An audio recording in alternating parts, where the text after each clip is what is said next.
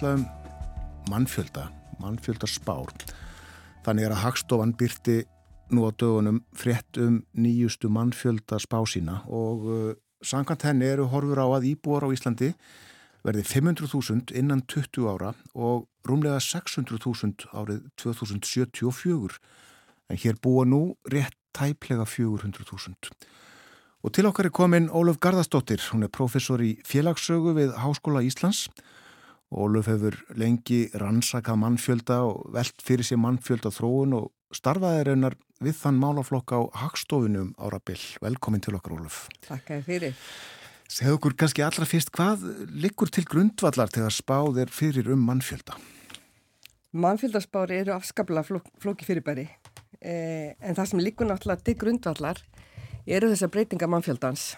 Það er að segja fæðingar, döðsföll, eh, fluttningar til og frá landinu eða til og frá það, því svæði sem umræðir. Stundum við verið að gera mannfjöldaspár fyrir minni svæði. Eh, þannig að þetta er svona, svona í grundvallarættriðum þar sem við horfum til. Þetta er ekki mjög nákvæm vísindi eða? Eiginlega alls ekki. Þetta, þetta er rosalega flókinu vísindi og ég held að engin mannfjöldaspá hafi staðist svona tímans tönn eða það er nú allavega leituna slíkum mannfylgdarspám. Það þarf að vera eitthvað mjög stanna samfélag sem lítið er að gerast og lítið breytist í, í tímans rás. Já, ég eh, fann einmitt uh, spána frá desember 2021 fyrir tveimur árum og uh, þá var því spáð að árið 2070 erðu hér 476.000. Þannig að nú er gert ráð fyrir miklu meiri fjölgun heldur en áður. Það getur greinlega margt gest á stundin tíma. Það getur það og það sem er, það sem er oft með mannfylgdarspár að það er auðvelt að spá fyrir til skemmri tíma. Hérna í gamla daga, allavega hérna á Íslandi talaðum að gætna það, jú, mannfylgdarspár standast svona næstu 5 til 6-7 árin. En nú náttúrulega eins og við vitum að það hafa voruð alveg geysilega breytingar á Íslandi. Það flytur mjög margt fólk til landsins, bæði flóttamenn sem svo sem kom ekki inn í mannfylgdan fyrir því fát valalegu á Íslandi. E, innflytjendur, margskonar sem koma hinga til þess að vinna og, og, og starfa. E, og í, þó að Íslandika sé mjög duglegar að flytja til útlanda líka að þá koma þeir miklu mæl tilbaka. Þannig að það hafa orðið alveg ótrúlega mikla mannfjöldabreitingar í Íslandi ymmit vegna þess hvað mikið af fólki flytja til landsins. Þetta er bara mjög eftirsóknarverður hérna, áfangastæður Ísland. Og er, er, er, er þetta öðruvísi hér heldur en í þessum helstu viðmiðunar ríkjum okkar? Já, sko Ísland er, ef við, ef, ef við tölum um viðmunnaríkin, þar að segja Norðurlöndin, við miðmorgunum gætna við þau, e, já, það flyttur mun fleira fólk til Íslands og færra fólk frá Íslandi hlutvarslega en frá öllum hinnu Norðurlöndunum í dag. Og raunar um að líta til Evrópu að þá er eiginlega auðveldast að bera hérna, Ísland saman við Luxemburg sem er svolítið áhugavert smáríki innri miði Evrópu þar sem að aðflutningafólks hafa verið mjög miklir ef því efnahagur Luxemburgar hefur verið mjög góður og bara frá því 1970 hafa flistanga fólki mjög miklu mæli og þar er, í, þar er yfir helmingur íbúan af ellendum uppruna. Já.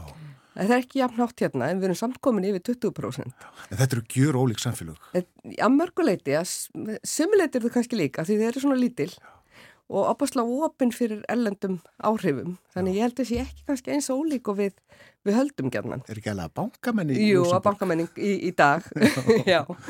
En það var einhvern veginn fyrir neftir 1980 sem bankarnir fóru að hérna, reyðra um sig í, í Luxemburg. En svo er þetta náttúrulega líka bara e, miðstöð fyrir rýmsar eferbjörnstomnanir og þar eru við náttúrulega svo sem ekkert á pari við þau. Nei. En, en það er náttúrulega, það er eitthvað eftirsoknavert fyrir Ísland og það er náttúrulega þessi tennslaðinn á Íslandi, sko byggingarinnar er náttúrulega e, sækir heilmikið vinnuafl og það sem hefur breyst á kannski setna árum á Íslandi, svona frá því í þennslinu þarna í aðdragandar hunsins, er að við sjáum alveg opbúrslega mikla sveiflur, sérstaklega í aðfluttum körlum.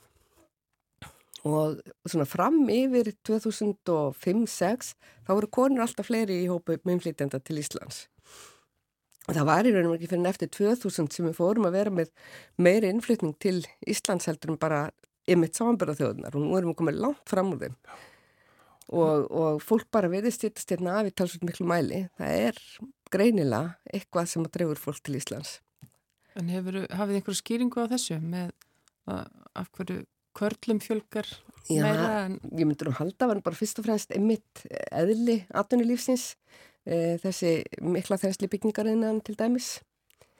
Og, og þar er eiginlega sveiflunar sko, ég sá það líka í mannfjöldaspáni hjá hagstofunni þegar ég svona rindi það við hvaða miðuðu, þá rinduðu svo litið emmitt í karla konur sko, þau geta svolítið svona eh, slett þess að toppa með því að horfa að sleppa því að sko að kallana heldur miða mi mi meira við fjölgunum meðal hvenna sko, það er eitthvað sem er auðveldar að meta svona til lengri tíma því að maður sér bara toppana hjá kvöldunum og svo eru konunan miklu, miklu jafnari og flyta líka í minna mæli aftur til útlanda þannig að það er ekki e, svona þessi hérna, þessar seiflur þarna.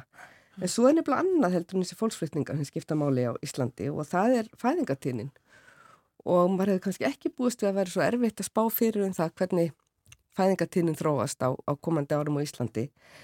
En það er mjög mikið að gerast á þeim vettfangi, bæði á Íslandi en líka í nákvæmlöndunum. E, Norðurlöndin hafa svona frá því 1980 verið í hópi þeirra Evrópithjóða þar sem að e, badnignir eru með miklar. Og hérna, fólk eignast, já bara eignaðist hérna til skamstíma svona að meðaltæli rúmlega tvö börn eða konur eignist á, á sína efi.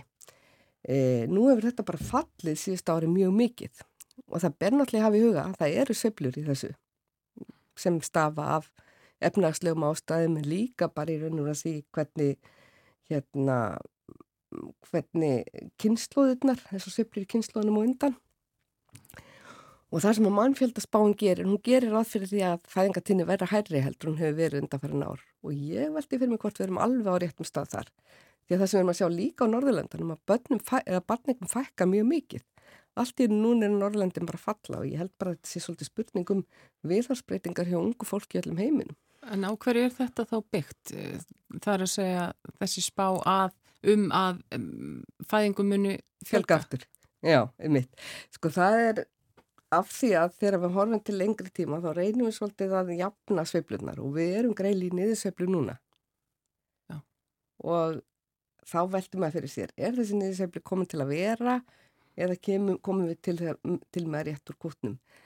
Nú er búið að breyta fæðingarálaslaugjöfni, hún er svona hagfældari heldur hún var bara fyrir nokkum árum, þannig að maður svona veltiði fyrir sér hvort að, já, hvort að við vitum, hvort að við getum við reynur að geta ráð fyrir að batningnum fjölgi. Ég held að það sé verða ákveðin breyting bara í viðhorfi fólks til batningna. Að það ákveði semst að eiga, uh, já, ekki batni eða, eða bara eitt barn. Já, einmitt.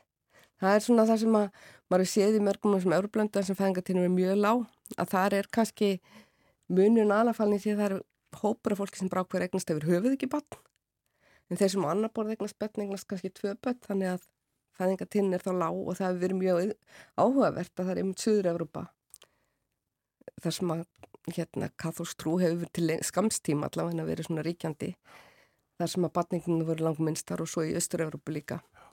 Og hvaða eh, svona stóru áhrif mun þetta hafa í framtíðin?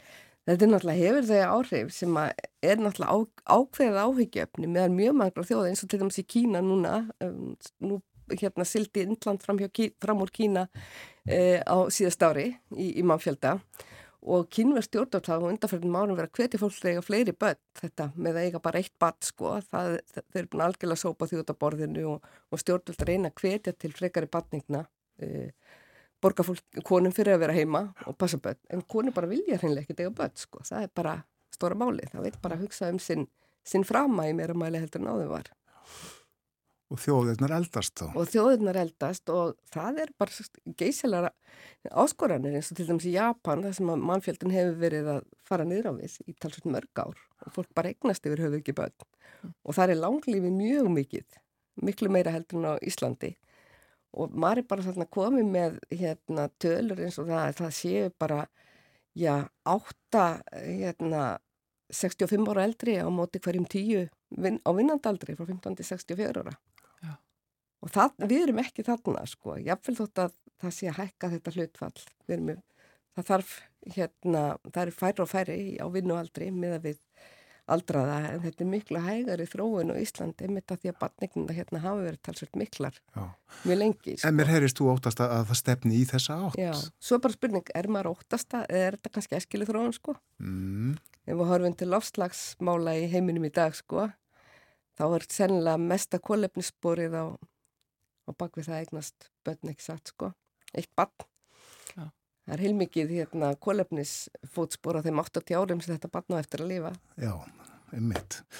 Það er margt sem þarf að ræða og rannsaka í, í, þessum efnum, en, en þau tímamót urðu, var það ekki öruglega fyrr á þessu ári eða var það sent á því síðasta að jarðabúar urðu 8 miljardar? Einmitt, akkurat. Já, 6 miljardar um síðust aldamót. Þetta hefur gerst alveg ótrúlega rætt. Þetta er mjög rætt sko. Það er aðeins að draga á ræðinu núna og því ennú reyndar spáði, það er náttúrulega, það er náttúrulega til þess að spá eins og sá líki spáhagstofuna það er sem minnspá og svo háspá og láspá. En það gera svona flestar alþjóðlega spáráð fyrir því að, að íbúum jörðanin að fara að fækka svona upp úr 2050, 60, 70 en þá náðir 10 miljóðum og svo gert ráð fyrir það svona aftur. falli aftur en spurningar hvort að það ég skal ekki alveg segja en ég get nú alveg ég mynda mér að þetta gerist fyrir sko. En það er nú bara svona mín tilfinning sko. Já, já. þú ert nú vöna að byggja þína tilfinningu á, á, á einhverju vissu sem er þarna einhver staðar sögunni Það er með þetta með fæðingarnar sem maður hugsaður um sko. Já, mm. en þú uh, sagðir já þetta eru ónákvæm vísindi og uh, mannfjöldaspár hafa eiginlega aldrei ræst eða, eða staðist en uh, það er einmitt í þessari uh, spá hástofunar og, og sjálfsagt svona spám almennt uh, háspá og lágspá og það er gríðalegu munur þar á miklu. Já, já, rosalega munur sko. Og þá er til að gera ráð fyrir um til lágspáni að það bara verði áfram mjög lág fæðingatíni það dræði talsverður fólks, fólksflutningu til landsins. Ég held að það gerist ekki í, í bráð sko. Ég held að fólk komi hérna í mjög miklu mæli á komandi árum. En málið er að það kemur til með að lekka fæðingatinn einmitt út af innflytjandunum okkar sko. Því innflytjandunar okkar sem koma hingað allavega þessa myndir, þeir koma frá lönduðan sem fæðingatinn er rosalega lág. Og það er miklu lægri fæðingatínin hjá innflytjandunum okkar eða stæðstu hópunum eins og pólverjum heldur nokkuð tíma hjá Íslendingum. Þeir eignast reyndar aðeins fleiri börn heldur en í Pólandi Þegar þeir eru komið til Íslands. Já, eftir að komið til, og það er líka, líka svo áhugavert við já. allt varandi mannfjöldan að fólk lendir ekki að mann eitthvað starf á milli heimalandsins og, og, og hérna nýjalandsins. Þannig að þeirra búið að vera eitthvað tíma þá að segja, já, herðu þið, þetta er nú kannski bara sniðut, fara eitthvað að hugsa og, og eitthvað staðins fleiri bönn.